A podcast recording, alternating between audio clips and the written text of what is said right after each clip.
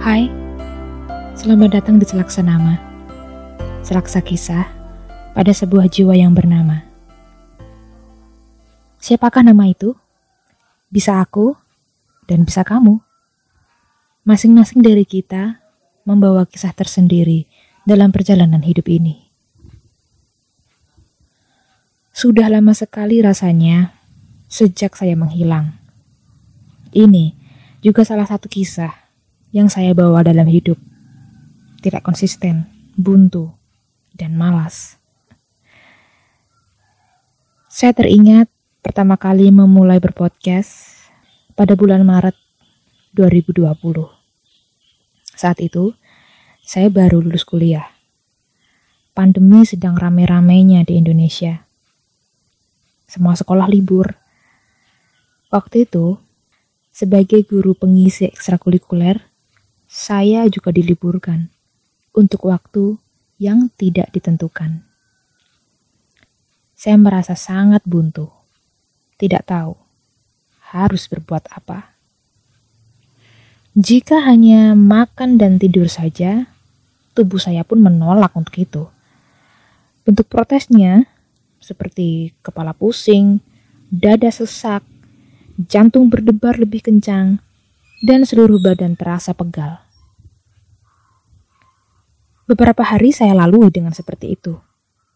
Bangun tidur, bingung mau apa, berangkat tidur, bertanya-tanya.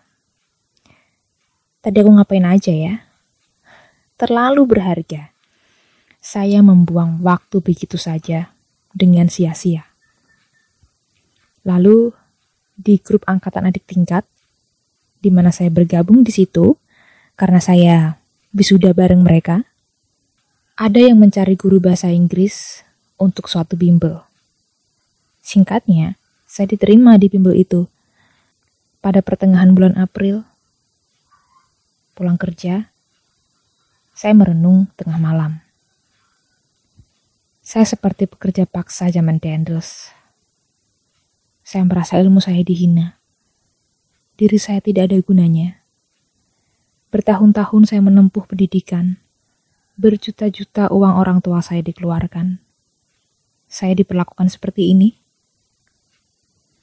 Perasaan terhina, malu, cemas, tak berguna menemani saya malam itu. Tak satu pun nama yang muncul di kepala saya waktu itu sebagai tempat menumpahkan segala beban jiwa yang ada. Lalu saya menulis dan merekamnya dalam sunyinya malam kota Semarang. Saya menulis tentang menjadi sendiri. Waktu itu saya mengunggahnya di YouTube karena saya belum tahu podcast. Lalu kemudian, untuk mengisi kekosongan, saya membuat video bernyanyi dan mengunggahnya di YouTube. Dan untuk beberapa alasan, saya mengunci video pertama saya yang berjudul sendiri itu. Karena penonton dari video bernyanyi saya adalah keluarga besar saya sendiri. Kemudian, saya tahu apa itu podcast.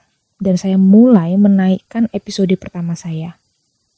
Episode pertama waktu itu tentang rasisme. Karena bulan April waktu itu masih kental dengan suasana rasisme di Indonesia selain pandemi corona. Saya bercerita tentang pengalaman saya ketika SD. Jadi ada teman saya anak baru yang beragama dan bersuku beda dari kami kebanyakan. Di sana, seorang anak, ketua kelas, ketua geng, begitu rasisnya terhadap dia. Saya bertanya-tanya, apakah rasisme sudah terlanjur menjadi kebiasaan? Bahkan seorang anak berusia 9 tahun sudah dengan entengnya serasis itu. Karena episode pertama, teman saya banyak yang mendengarkan, tapi kebanyakan dari mereka menertawakan pembawaan saya. Ya, saya tidak menyalahkan mereka.